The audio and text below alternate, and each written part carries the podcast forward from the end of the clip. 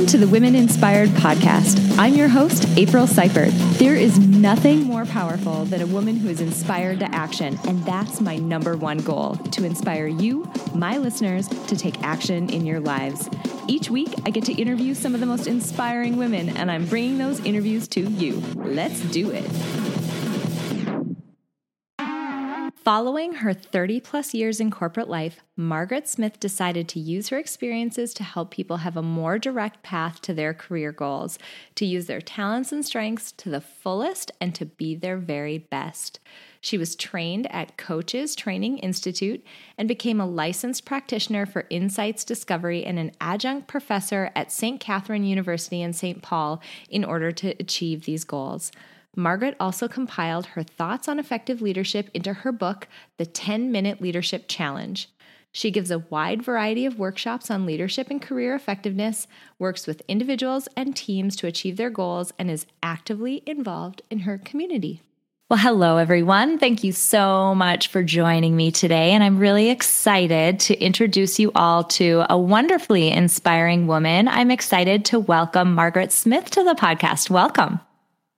Thank you. It's good to be here. Great to have this opportunity.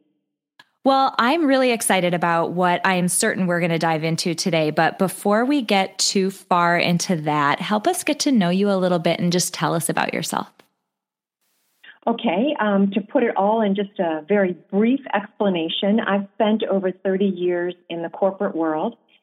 And um, when I decided to make a shift, I really sat back and thought about what what were some of my greatest learnings and and what did I really feel that I had to offer if I was no longer in the corporate world? How could I use that amazing experience I had to really make a difference in other people's lives or to help people have a, a more fulfilling career? And at the time, I decided to launch my my business UXL um, and work with individuals who were either emerging leaders um, high potential in their organization, struggling perhaps with some new responsibility, and help them have a, a much better and more fulfilling, rewarding career and capitalize on their strengths more effectively. So I launched UXL, um, and I've it has grown every year. I work both with people that are seeking jobs so that I help them show up for those job interviews more um, with a little bit more self confidence and perhaps better prepared. And I also work with those individuals that I described earlier that are in some sort of situation at work there or their company wants to invest in them because they believe that they are part of the succession plan for leadership roles. So um, I, I, wrote a book, The 10 Minute Leadership Challenge, which has been kind of fun to um, so what is the right word? Um, publicize. I created a workshop to go with it. I'm an Insights licensed practitioner, which is kind of strength finder on steroids, using a lot of the Jungian principles to help people identify their strengths, possible weaknesses, and what are the best things about them that they bring to their, the work that they do and the life that they lead, and capitalize on that new self awareness. So that's that's kind of it in a nutshell. Um, and I'm sure that more about me will come out as we continue our conversation.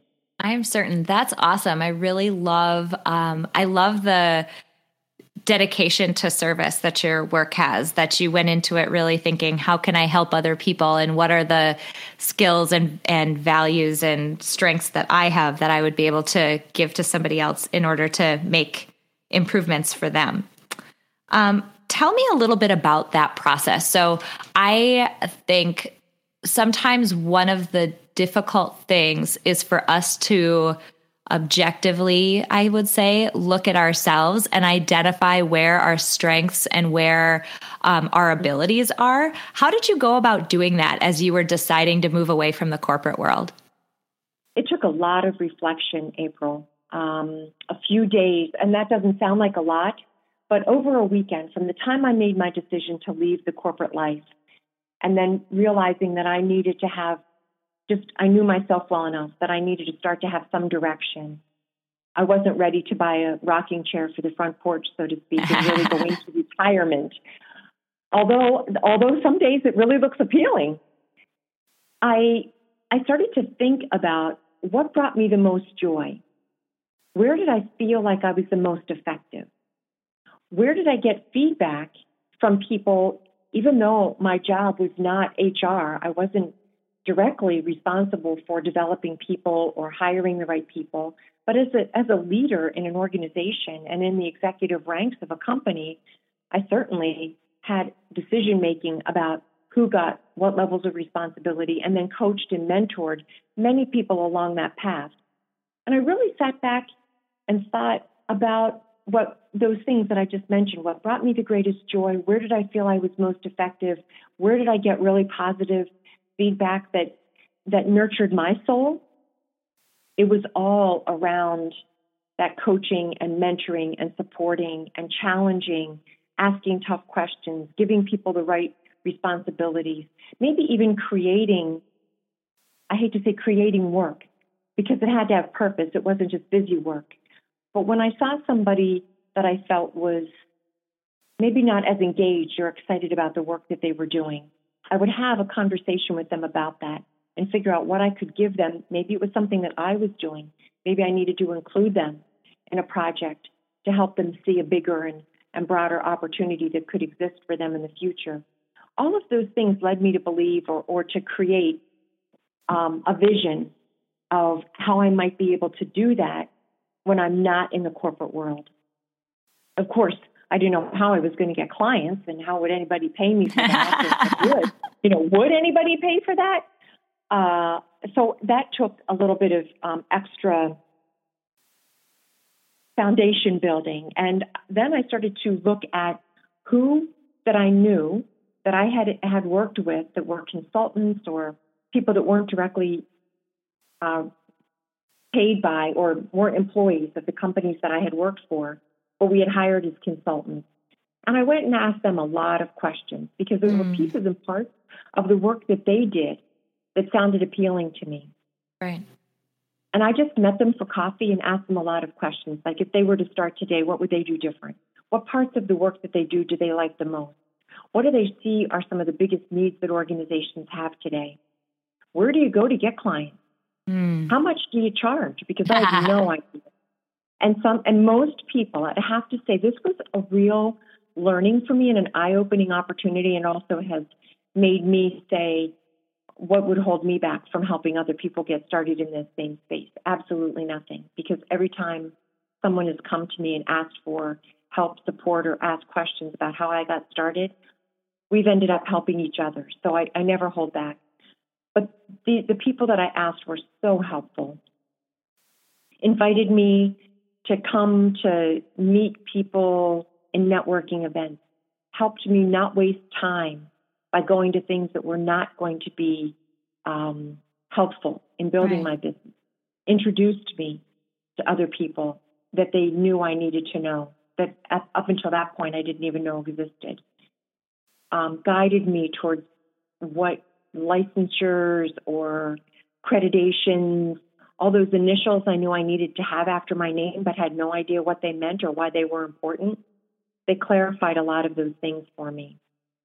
So it helped me speed up the process of identifying where to go, what to do, how to do it, um, where to find clients, and, and also clarified for me the direction that I wanted to go. So I didn't, although I did, did try a lot of different things that I didn't feel were really in my wheelhouse, or I said yes to things I shouldn't have, and then had to find help to get myself out from underneath something that perhaps was not exactly what I should have said yes to, but I've learned along the way. That's phenomenal.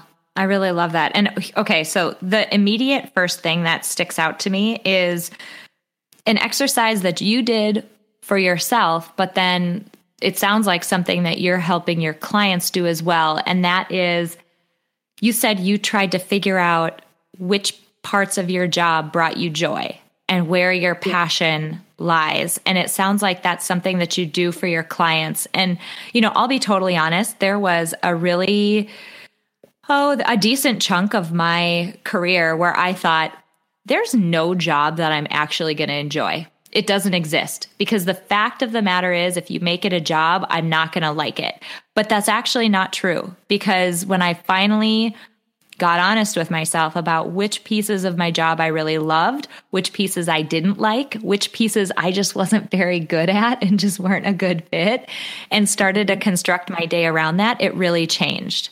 Um, what have you noticed with your clients in that respect? Is it is it easy for them to identify those things that they're passionate about that bring them joy, or is it sometimes something that you have to work out of them? Most of the time, I have to work out of them. Mm. I have to work it out of them. But and really, it's all about the type of questions that I ask. And many times they can't answer the question just um, you know spontaneously and off the cuff. They need time to think about it.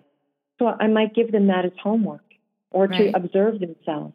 I ask them questions like um, one that I love to ask that always gets people really thinking is where do you like yourself the most? Wow. Because that really tells them, you know, when I walk out of this type of a situation, I feel good. I feel good about what I have contributed in that situation. I feel good about the work that I'm doing, about the impact that I've made, maybe the difference that I am. I feel good about how, what I left behind, um, how I made people feel. Um, and so that question really gets them thinking, if, especially if they can't narrow narrow something down, we might go through their day, not minute by minute, not even hour by hour, but I even ask them just just let's sit back for a second and think about today. Where did you like yourself the most today? Or where were you the happiest? Where mm. did you hmm. feel you made the biggest difference? Think about interactions with people. What do people come for you for? because you find that when people are walking into your office or stop to say hello to you, if you think about the questions that they're asking you or why they're even coming into your office, it starts to help you define what it is that people see in you, recognize in you, that you may not really be fully aware of. Totally. And it may not even really be part of your job, but they're they're coming to you because they know that you have something that is going to help them get unstuck or help them because they know it's a safe environment. They know they can trust you. They can ask you tough questions and you're not going to evaluate them or be critical of them. And and that could be very focused around business. It doesn't have to be in this in this realm of coaching people. It can be a part of your job.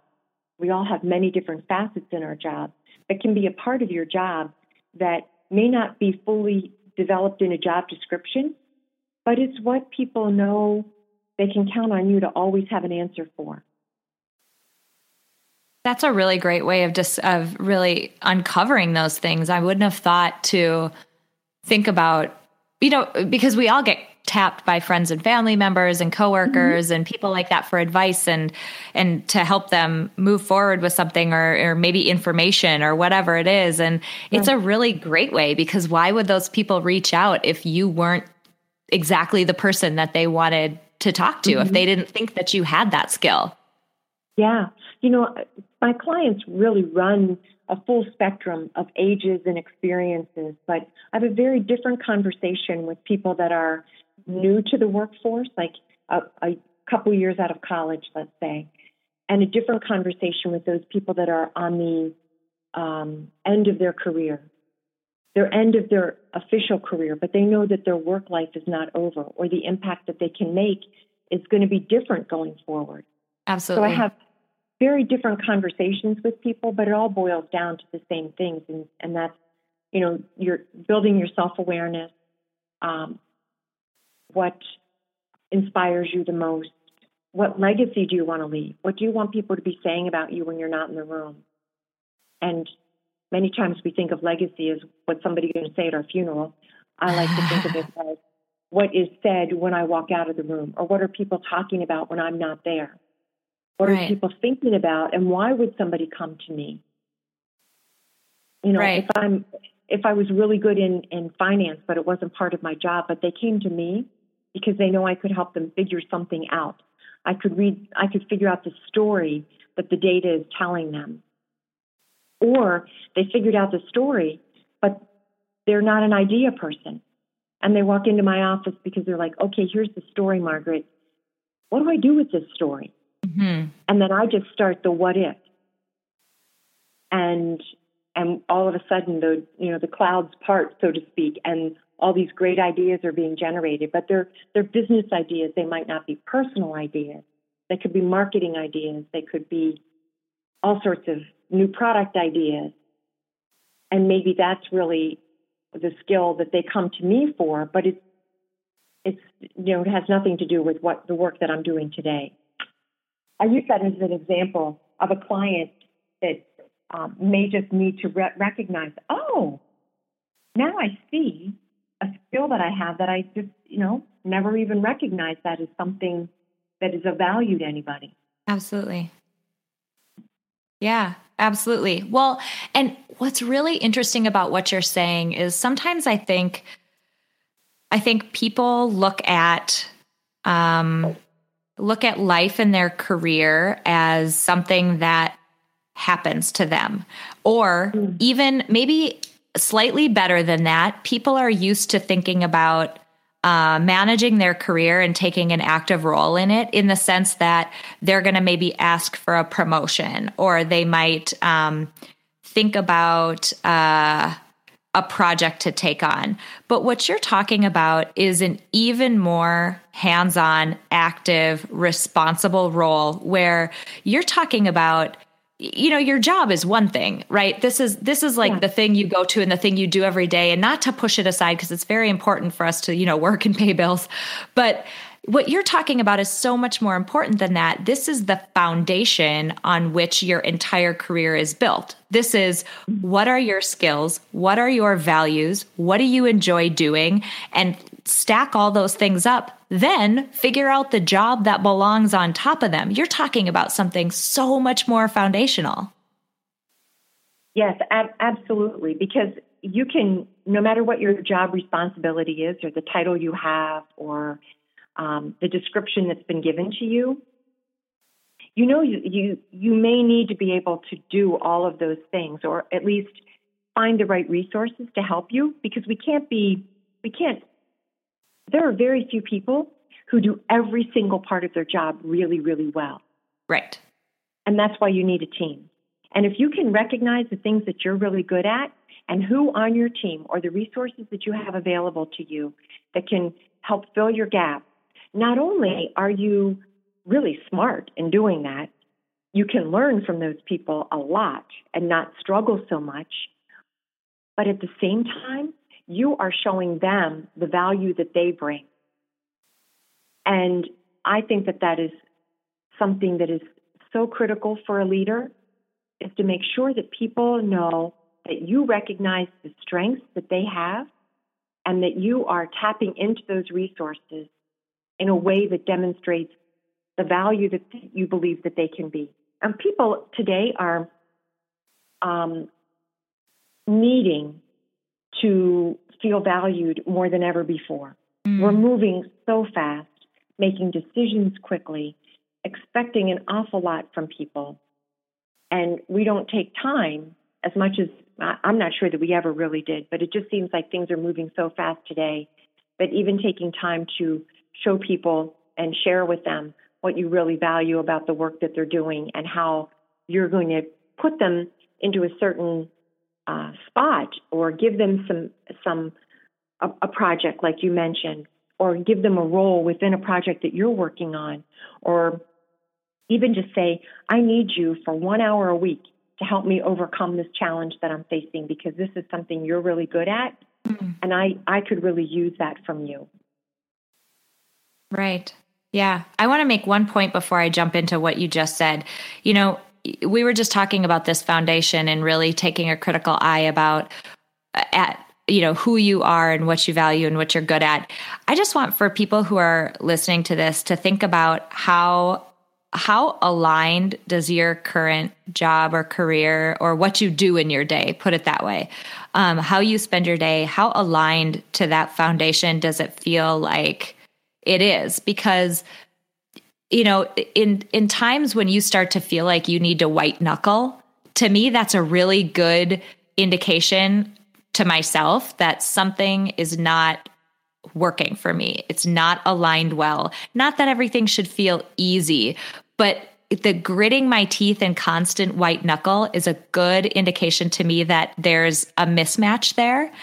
And I just want people to think about how different your day would feel if you didn't have to do that or if you had to do it less than what you do now and how important the things that you're talking about doing and and doing the hard work of really uncovering what that foundation is how important that work is. It's huge. I i think that once you've done the work the even more difficult and challenging thing is to have a conversation not just with yourself but a conversation with the people who are who ultimately are making decisions around the roles and responsibilities, the projects, the job, the work that you are assigned. Oh, yeah. Or asked to do, um, invited to do. And having those conversations is really challenging. How do I ask for more? Mm. How do I how do I um, even ask to be given an opportunity without it just sounding like I'm begging or I'm um,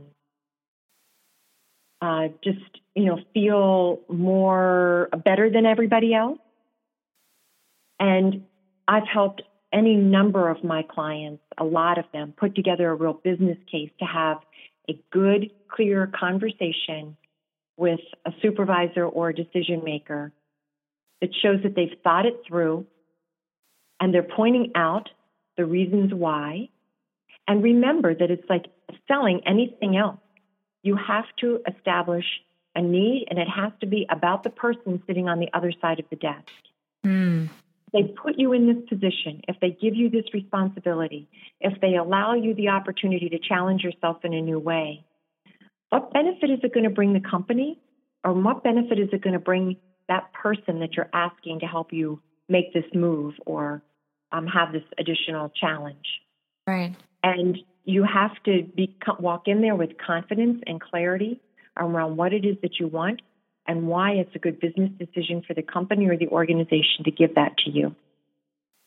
Right. Why is that so hard? Say, you know, well, why is that I, so hard for us? We I feel like we have such a hard time walking in and asking for what we need and feel like we deserve or asking for more. Why is that so difficult? I wish I had the answer to that question.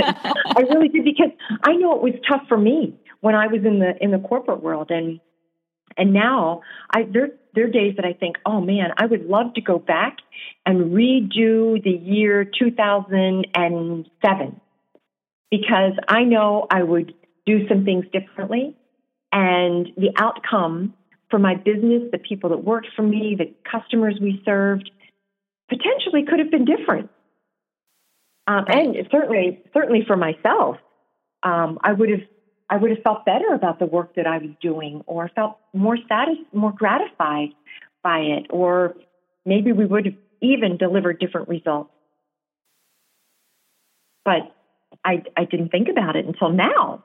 Right. So now I'm now I'm using that to help other people. I think it's fear. I really think it's fear, and I also think that we assume that the people who are in those decision making uh, positions are watching us and are aware, but they aren't. Uh, Again, you know, our, business, our our jobs have become so big um, just because organizations have changed dramatically over the past 20 years. There are la- layers that are gone. Um, we're doing we're doing far more with less, not just more with less. We're doing far more with less.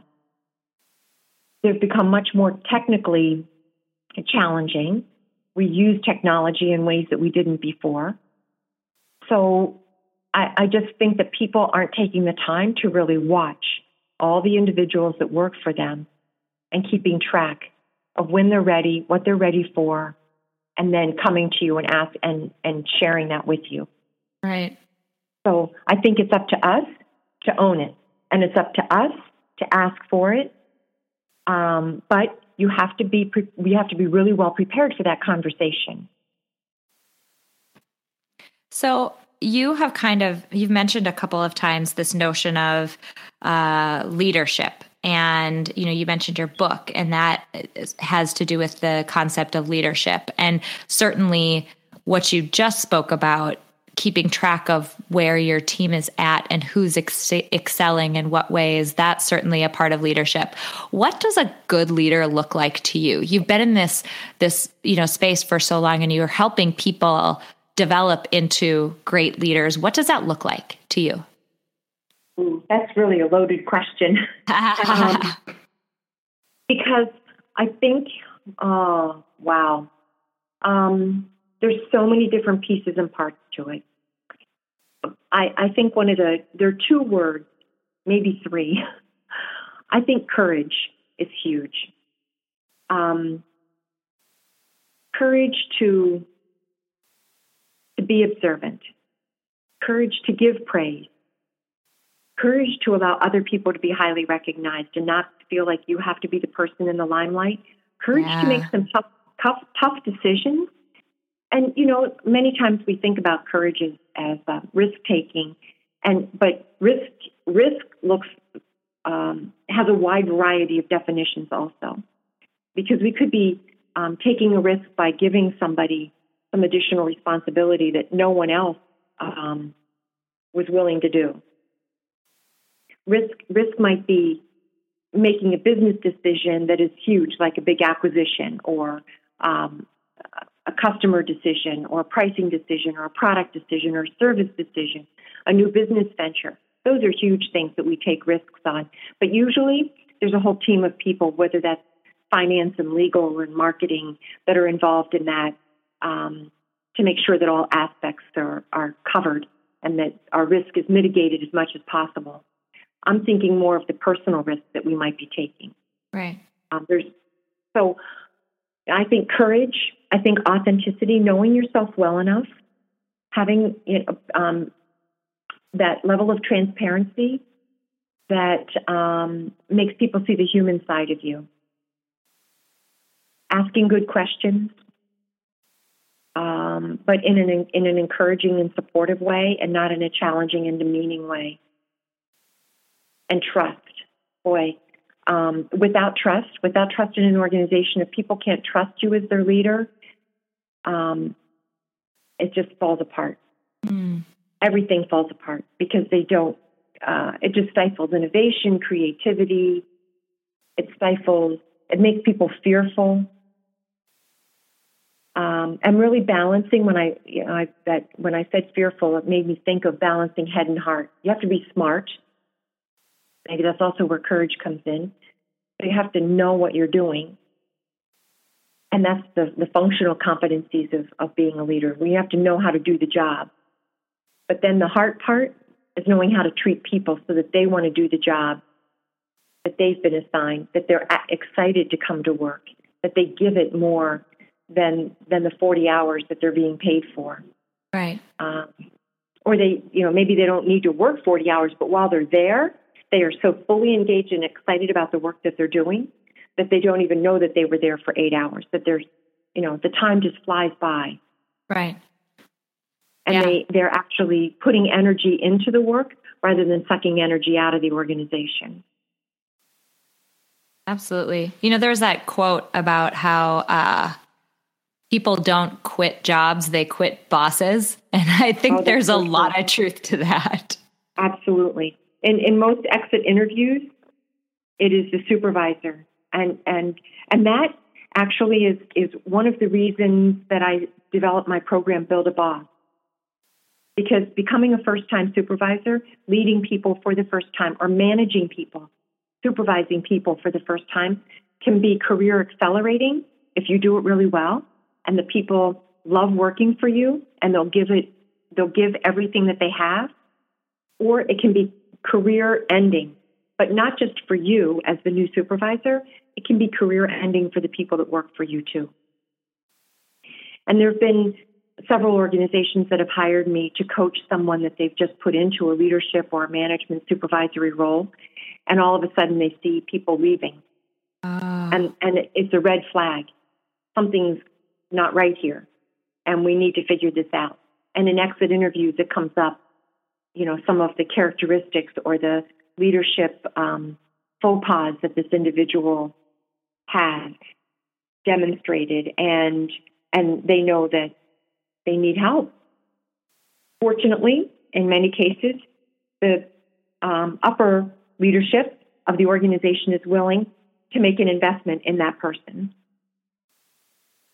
And we work on a plan to turn that around. But Build a Boss is really designed for first time supervisors because making that transition from being an individual performer to now having to inspire and motivate others to get the work done is a huge shift to make. And if you don't do it right, not only are you amp- impacted, but the people that are reporting to you in that role are impacted as well. Absolutely.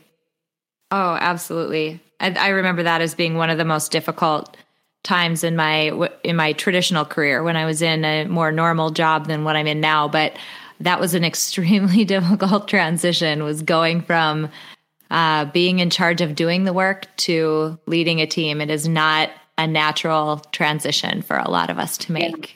however well intentioned you are. Yes, absolutely. There's so many times when I see the the best sales rep as an example being made the sales manager,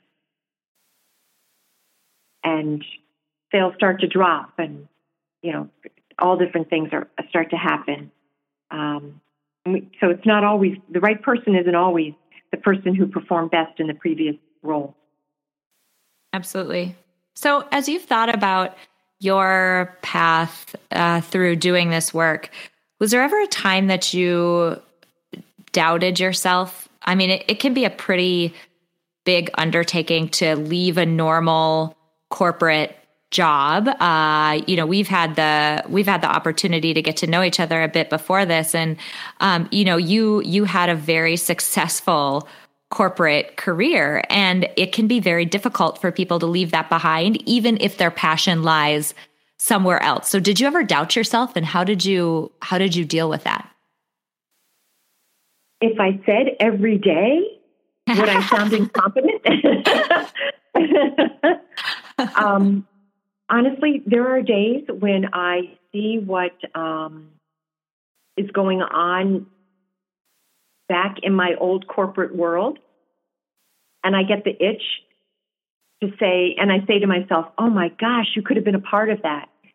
Um, but then I, I realized that I would have missed the opportunity to do all the, and meet, to do all the fun things that I now am doing and meet the people that I've had the opportunity to meet and work within so many different organizations and really learn a lot more about myself, but but also learn about how business is run in a wide variety of places. So i am still continuing to learn. Um, but to answer your question uh, about doubting myself, yeah, um, I think that when I first started, when the first person raised their hand and said, Can I hire you? It was like this huge amount of, of doubt just like fell off my shoulders because up until that point, until I got the first person who was actually willing to pay me, mm. I did, I doubted myself constantly. Um, and then once I had that first client, and then they were so satisfied and happy that they referred me, referred their friend or another coworker to me, and then when a company called me. So um, I, I would have to say that nearly nearly every day there is some level of self doubt, um, but you just sort of persevere through it, and the the clients are really the people who confirm it for me every day. Mm. Yeah, absolutely. I also ask myself I ask myself a lot of questions. I have to admit, like you know, what what am I afraid of? Why why would I doubt myself? Um, so I, you know, you have this constant dialogue with what am I afraid of? What could possibly happen? What's the worst that could happen? Um, and then it it does um, convince me or reassure me. I guess is a better a better term to use that everything's going to be okay. Yeah, I think uh, Tim Ferriss uh, who's an author, he does this interesting exercise where as people are trying to decide whether they should do something like take on a new challenge, open a new business, whatever it is. They've they've got this thing in front of them that they want to try, but they're afraid. He leads you down this path of trying to think of the absolute worst case scenario. Absolute worst, most awful thing that could happen. And then he says, All right, so say you're in that situation. What are you going to do now? How are you going to handle it? And it basically says, okay, the chances of the absolute worst thing happening, I'm not going to make any money and I'm going to lose my house and I'm going to be destitute and not be able to eat. And I mean, the worst case scenario, it's highly unlikely that that's going to happen. But even if it did, you can find a way out of it. You've got a path that you've figured out how to get out of it. So why not try? Mm-hmm. Yeah. And and it's so true because you can you can put all those barriers in front of yourself and then go back and do exactly what he's suggesting. And I try to go about six layers deep. You know, if somebody says this could happen, okay, what if that happened? What next? What next? What else could happen? And we start to kind of uncover all these different things, and then we figure out a path. How can we prevent that from happening? What would we do if that did happen? And and pretty soon you realize that you're a smart person and you have solutions for every obstacle that you can think of that would come in your in your way. And you have people and resources that would guide you and prevent those things. And once you start to uncover the barriers that are the things that are in your way and stopping you, you can build them into your plan so that they don't happen or you, you reduce the likelihood that they could happen if you just go blindly into something, you you could hit you could just hit that wall. And if you haven't thought about it ahead of time, that wall just gets thicker and deeper and harder to overcome. Mm-hmm. But if you've thought about it ahead of time, you already have your plan for how you're going to break through that wall. Maybe you're going to climb over it. Maybe you're going to walk around it, or you're going to you're going to have recognized that it's coming up, and you need to do something different. And so you you take a left turn so that that wall isn't there anymore. Right. On the flip but side, without a, without a plan, without a plan or having thought about those things, um, you could you could hit that wall, and and it could be it could slow you down much more dramatically. So I like to plan for those things and be ready for them. Then they don't they also don't seem so big once you've thought through them. Absolutely. Totally agree. So on the flip side of that, aside, you know, this opposite side of the coin from doubting yourself, what do you feel like what has been your biggest achievement? When you look back on it, you just feel amazing that you were able to accomplish that. What would you say that is? Wow. That's a that's a huge question. Um, I think having people tell me that I made a difference in their life. Mm. Or a supervisor of a person call me and say, I am so glad we hired you to work with him or her um, because all of the promise that we saw in them, or we knew that they were the right person for this job, and you you helped us groom them or help them see that in themselves, and they are flourishing, and the people around them are flourishing as well. So I'd I'd have to say that's getting that it's getting feedback from the people that I work with.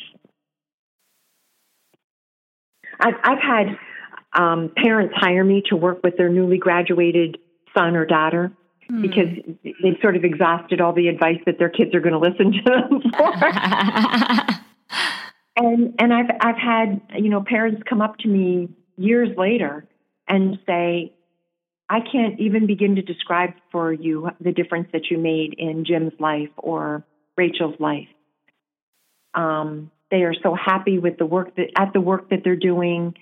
Um, they found the right spot at a time that they were so unhappy and um, feeling feeling really bad about themselves and that they wasted their four years in college and a lot of money, or feeling like they were never going to find something that would bring them the level of satisfaction and feel good about the work that they're doing. So, just, you know, I guess to boil it all down, it's when someone reaches out to let you know the difference that you made. That's got to feel so wonderful to know that you stepped in at a time somebody needed you and you made a big difference. It's got to feel great. Yeah. You know, the, the other the other time that um, I really feel good or have some sense of gratification is when other people that want to do the same thing that I'm doing that are maybe afraid to leave the the comfort of their corporate um, position or the job that they have, but they know they're not happy or and they're they're really scared, and they come to ask me, "How did you do it?" and what did you have in place that made you feel comfortable taking this leap and and that they they see me as a success.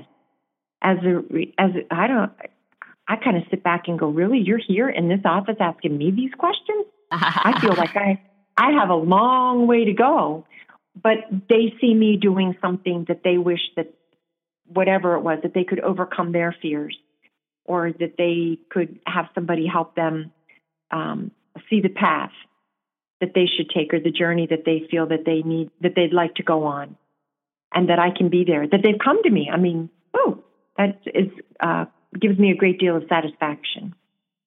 Absolutely. So, what's your what's your next big goal? Hmm. My next big goal really is um, two things. Number one, I am writing my second book. Exciting. And yeah, the first I started to write a second book when I when I wrote the 10 minute leadership challenge. It was really focused on leadership in general for everybody. And then there's such a, a demographic change taking place in the workforce today that I'm now trying to um, write a book around using the same format as the 10 minute leadership challenge about different scenarios that people will run up against that a newer person in the workforce and you know maybe it's more the millennial brain how they would handle that situation versus how that more experienced person would handle that situation and how can we tap into both of those resources effectively and come to common ground because we both have something extremely valuable to offer. But I see a lot of resistance right now in the workforce, and people will come up will ask me questions like, "What am I supposed to do with these millennials? Uh. I don't under, I don't understand them. Um, they don't they don't do this. They don't do that. They don't value this. They they ask for that, and and millennials coming up to me and saying, I just don't get these old people or these, the baby boomers that are in the, why won't they let me do that? Why, how do I ask them for more? How do I, um, uh, how do I plan my career? How do I have that conversation? And communication is changing so rapidly that it's really impacting our, I think that that's also part of what's impacting our ability to just have those conversations that we're communicating a lot differently than we did 20 years ago or even even 10 5 years ago. Yeah. So that's the first thing is my my next book. And i have another book. It might be a little ebook just around courage. Um because every time i do my workshop on the 10 minute leadership challenge and people go through the little assessment that i do around the 10 attributes that are featured in there courage always comes up i wish i had ah. more, more courage um, and so I'm, I'm going to write just a, a small book about courage. But then um, the next big thing that I'm really working on is expanding my um, workshop and speaking um, engagement. I like, I love working one on one with individuals, and I, I think I'll always do an element of that. But when I can impact a larger group of people, um, I just feel like if I've given them one nugget, and I have all sorts of follow up things that I offer. So I, I hate to walk in and feel like I just had people drink through a fire hose. Mm-hmm. And that miraculously in a 40 minute keynote or a three hour workshop, they're fixed because it doesn't happen that way. Right. You need a continu- so I've been um, developing these cohorts, which is what Build a Boss really is. It's a it isn't just a one time thing. It's a five part, five or six part series that people would participate in and build more of a cohort um, experience for people. So those are the two or three biggest things that I'm working on right now. I love it. In the vein of wanting to help a group of people, if you you know think back over everything that you've done, what advice do you have for other women? Mm. Well, it wasn't really until I left that I and I sat back and I was doing that reflection that I talked about earlier that I realized I was living someone else's career dream. Many, many times, my next job was a tap on my shoulder and someone saying to me, Margaret, this is what we need you to do next. And most of the time I said, okay, when do I start? Instead of really thinking, like, is that a good fit for me? Right. Am I, go- am I going to be able to really do my very best work in that position?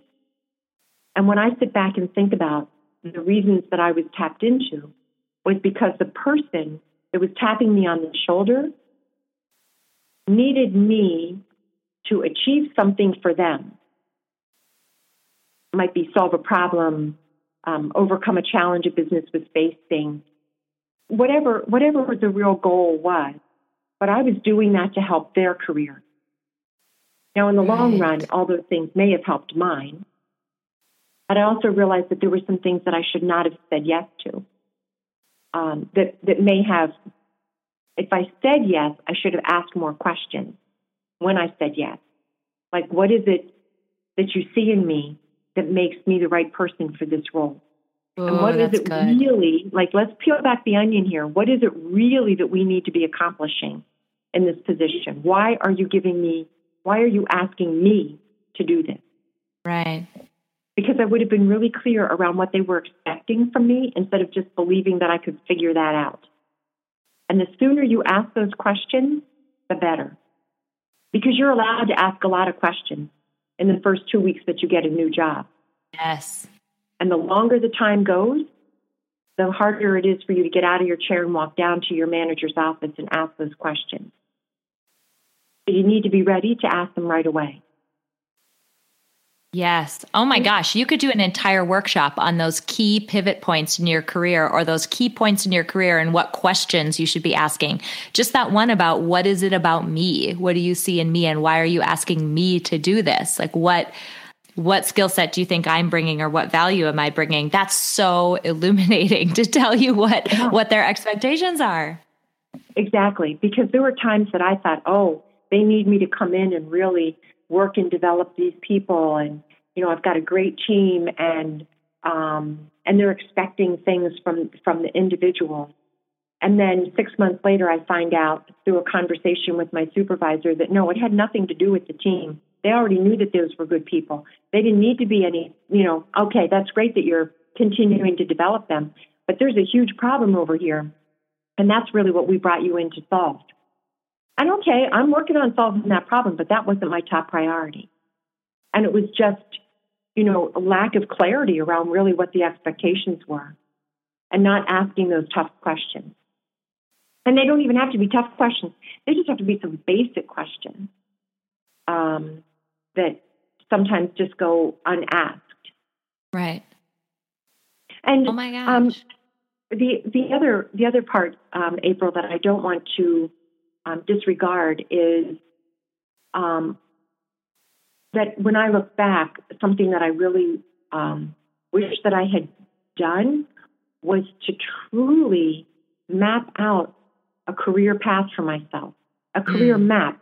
I hate to say path because they're a path. I mean, it could it could look really when I work with people on developing a career path today, it looks more like a tree and not this you know, straight line or even a wavy line, but it's more like a tree because there are experiences that you, when you say, you know, here's where I am, and here's where I want to be. And it could be the very next level, it could be the next job title, it could be in a different department. All you know, there's many different places it could be. But along that path, there are different experiences that you have to do. There's things you need to learn. There are people you need to meet. There are challenges you need to face to prove that you can overcome them. There are things you need to do for yourself. And they are all branches on that tree. And so it, it isn't it isn't a straight line. Um, and and so I need to be able to sit down with my supervisor and show this tree that I've really thought about the things that I need to demonstrate I can do or understand or contribute. And ask for their help in getting getting these experiences and coming with ideas and suggestions.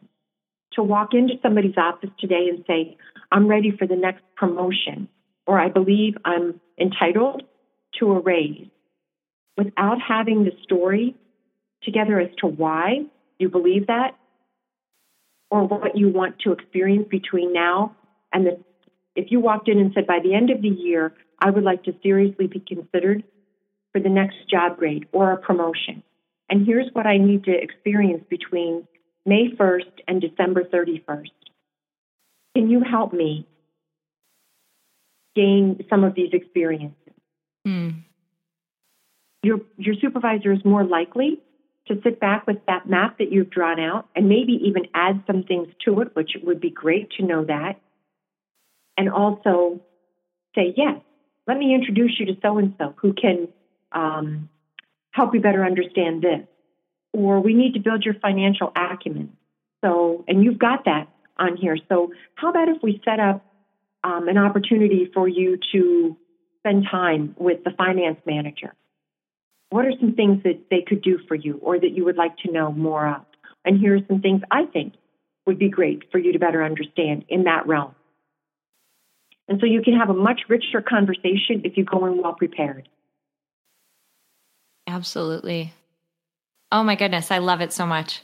Um, I just love the work that you're doing. It it really helps people align a major part of their life. You know, one of the one of the really big chunks of our life really is our our work and our career. So um, you're really helping people align that to their passion and and their their skill set and what they're really great at. And I think that's wonderful.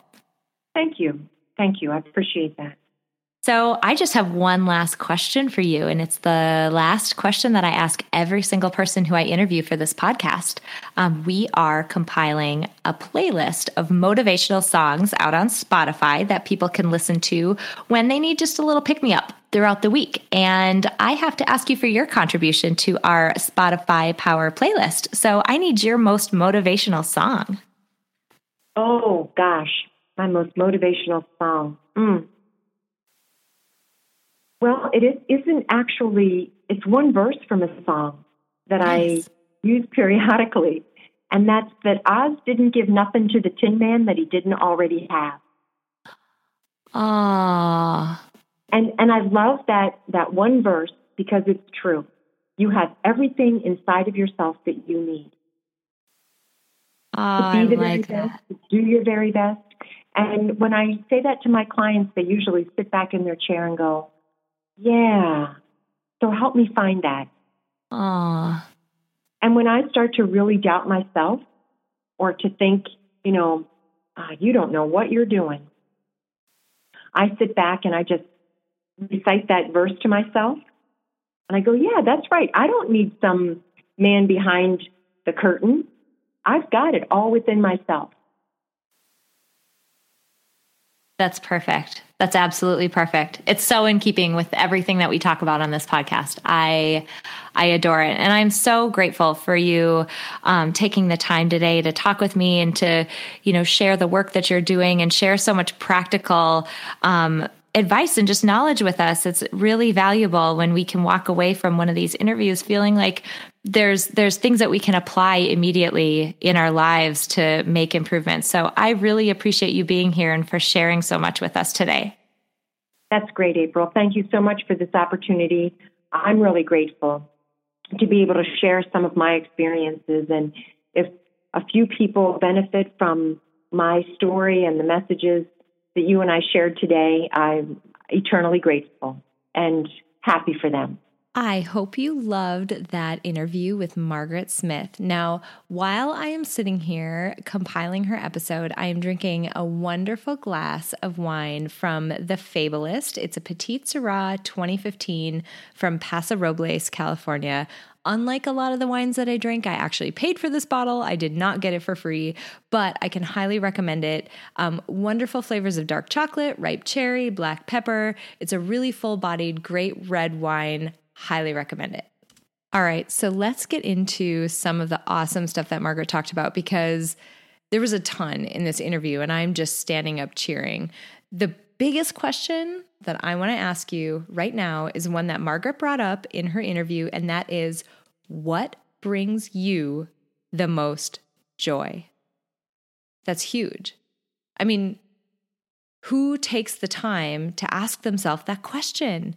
Not enough of us. We don't do it often enough. What brings you the most joy?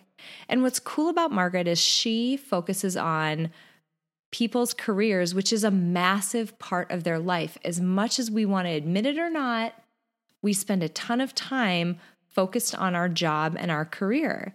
And it's really important that we find one that aligns with our best self. So I love how she got down to the very like foundational basics of figuring out what your talents are, figuring out what your values are and what your interests are. Like where are you your best self?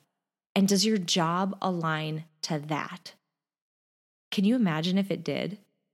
How would your life feel? Maybe it feels like that already. Maybe you have one of those amazing jobs where it just aligns with what you want to do and who you are.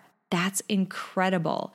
And it's worth it to ask yourself those hard questions and uncover those pieces about yourself to make sure that what you're doing every day and where you're putting so much of your life, oh my gosh, is it aligning with who you want to be and where your talents are? It's such a great question. The second thing that I really want to highlight about what she brought up is she asked this awesome really straightforward, like obvious question, but oh, it's so worth thinking about. What are you afraid of? If you actually want to make a change, what are you actually afraid of? And then okay, say that happens. What what then? And then what would you what would you do after that? And what if that happens? Okay, great. What would you do after that? I love how she took such a practical approach to almost catastrophizing and then just coming up with a game plan for how you're going to handle all of all of the catastrophes if you do decide to make this leap. That was so cool. And related to that, she mentioned the idea of basically living somebody else's career dreams and that's why she ultimately left her her corporate career. So Margaret was extremely successful by all measures of the words on paper any way that you would objectively measure somebody's career success, she was extremely successful in her corporate career. And ultimately, she realized that that all of that success was just fueling somebody else's career dreams. And she wanted to put all of that motivation and all of that hard work and passion towards something that she really cared about. And that's amazing. The last thing that I want to say about Margaret's interview is she mentioned the concept of a legacy. So, what legacy do you want to leave? And the way she defined it was what do people say about you when you're not in the room? Well, I'm looking around the room that I'm in, and Margaret's not here. And so, Margaret, this is what I will say about you when you are not in this room. You are an inspiring, incredible, passionate, caring, giving, intelligent, amazing woman. And I'm so grateful for the lessons and the stories that you shared with us on this interview. It was just wonderful. I really appreciate you being with us. For those of you who've been listening, I can't thank you enough for listening to these episodes and reaching out to me when you have comments or thoughts. I'm getting recommendations for women who should be future interviewees, and it has just been such a cool experience. And let me tell you, if I end up, by the way, if I ever miss a week where I'm not releasing an episode, that means like something has blown up in my own life and I've just had to attend to it it is so not for a lack of incredible women to interview. So, Margaret's interview actually officially took place and I officially recorded it like a month ago. So, kudos to her for being really patient and waiting for it.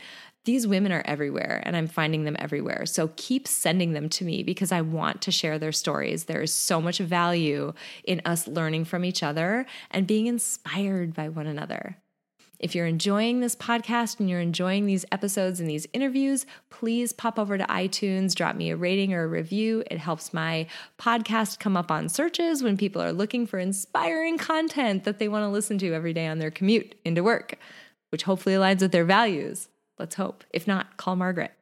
Um, I really hope all of you are doing well. I really hope you found a lot of value in this episode. I hope it makes you think about how you're spending your time. And as always, have an inspiring week.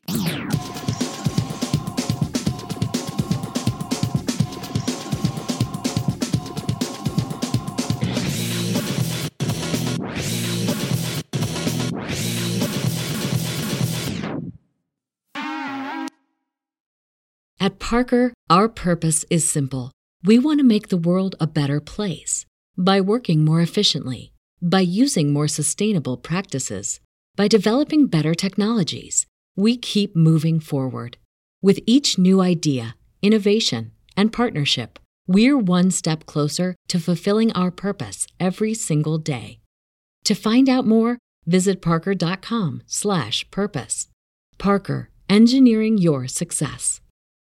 As humans, we're naturally driven by the search for better. But when it comes to hiring, the best way to search for a candidate isn't to search at all. Don't search, match with Indeed. When I was looking to hire someone, it was so slow and overwhelming. I wish I had used Indeed. If you need to hire, you need Indeed. Indeed is your matching and hiring platform with over 350 million global monthly visitors, according to Indeed data, and a matching engine that helps you find quality candidates fast. Ditch the busy work. Use Indeed for scheduling, screening, and messaging so you can connect with candidates faster. And Indeed doesn't just help you hire faster. 93% of employers agree Indeed delivers the highest quality matches compared to other job sites, according to a recent Indeed survey. And listeners of this show will get a $75 sponsored job credit to get your jobs more visibility at Indeed.com slash podcast. That's Indeed.com slash podcast. Terms and conditions apply.